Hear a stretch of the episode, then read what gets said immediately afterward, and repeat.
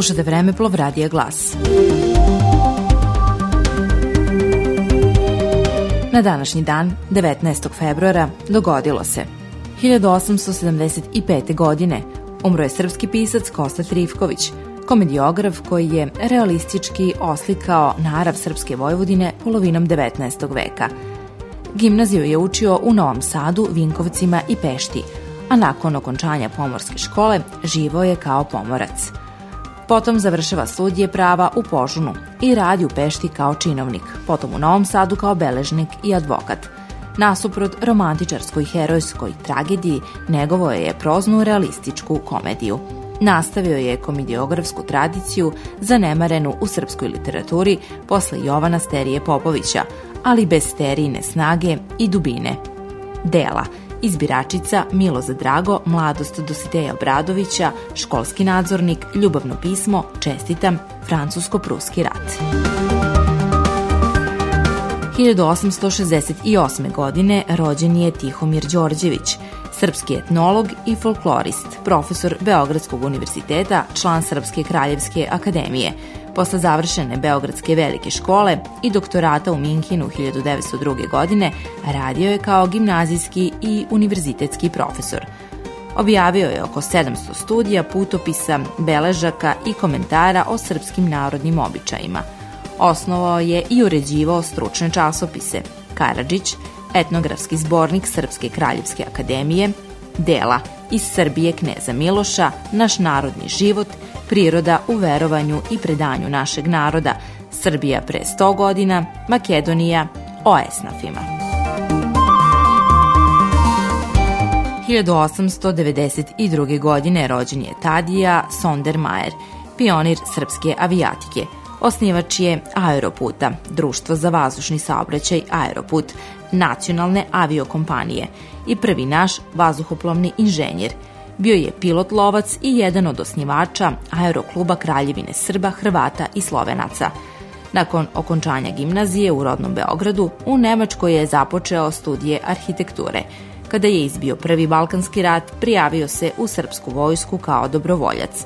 Postao je vazduhoplovac 1916. godine na Solunskom frontu – proslavio se istorijskim letom sa pilotom Leonidom Bajdakom na relaciji Paris-Bombaj i natrag od 20. aprila do 2. maja 1927. godine, nepun mesec pre čuvenog Linderbergovog leta New York-Paris.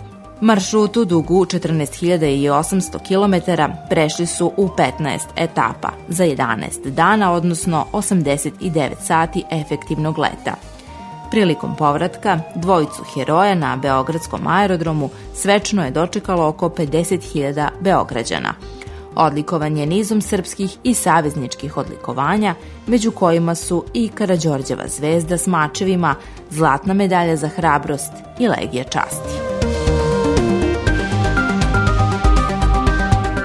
1913. doneta uredba o vazdušnom saobraćaju u Srbiji – Istorija vazduhoplovnog prava nije duga, jer se vazduhoplov sa motorom u današnjem smislu te reči pojavio 1903. godine. Zato prvi pravni dokumenti koji se tiču ove oblasti potiču iz prve decenije prošlog veka. Srbija je uredbu o vazdušnom saobraćaju donela 19. februara 1913. godine. Njome je bilo predviđeno da Ministarstvo unutrašnjih dela vrši nadzor nad ispravnošću vazduhoplova, a Ministarstvo vojske nad sposobnošću pilota. Vazduhoplovi nisu smjeli imati oružje i municiju, kao ni fotografski aparat i golubove pismonoše. Bio im je zabranjen let prilikom nepogoda i noću, kao i oko utvrđenih mesta. Strani vazduhoplovi su mogli prelaziti na našu teritoriju samo na mestu i u vreme koje odredi carinska služba u dogovoru sa ministrom unutrašnjih dela – Za prekršioce ove uredbe bile su predviđene vrlo stroge kazne.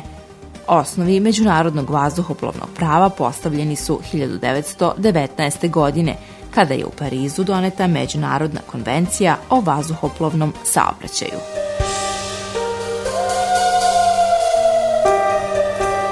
1940. godine umro je srpski političar Ljuba Davidović, osnivač i svojevrsni simbol demokratske stranke – Bio je jedan od prvaka radikalne partije, da bi se kasnije sa grupom istomišljenika izdvojio.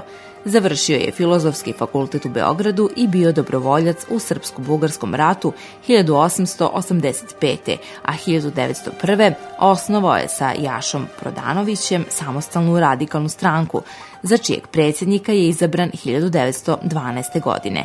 Prvi put ministar prosvete postao je 1904. Na tom položaju bio je i od 1914. do 1917. godine u vladi Nikole Pašića i treći put 1918. godine. Jedan je od tvoraca deklaracije. Posle stvaranja Kraljevine Srbe, Hrvata i Slovenaca 1919. postao je predsjednik novostvorene demokratske stranke. Iste godine predsjednik vlade, a drugi put je vladu Kraljevine Srba, Hrvata i Slovenaca predvodio 1924. godine. Slušali ste Vremeplov Radija Glas.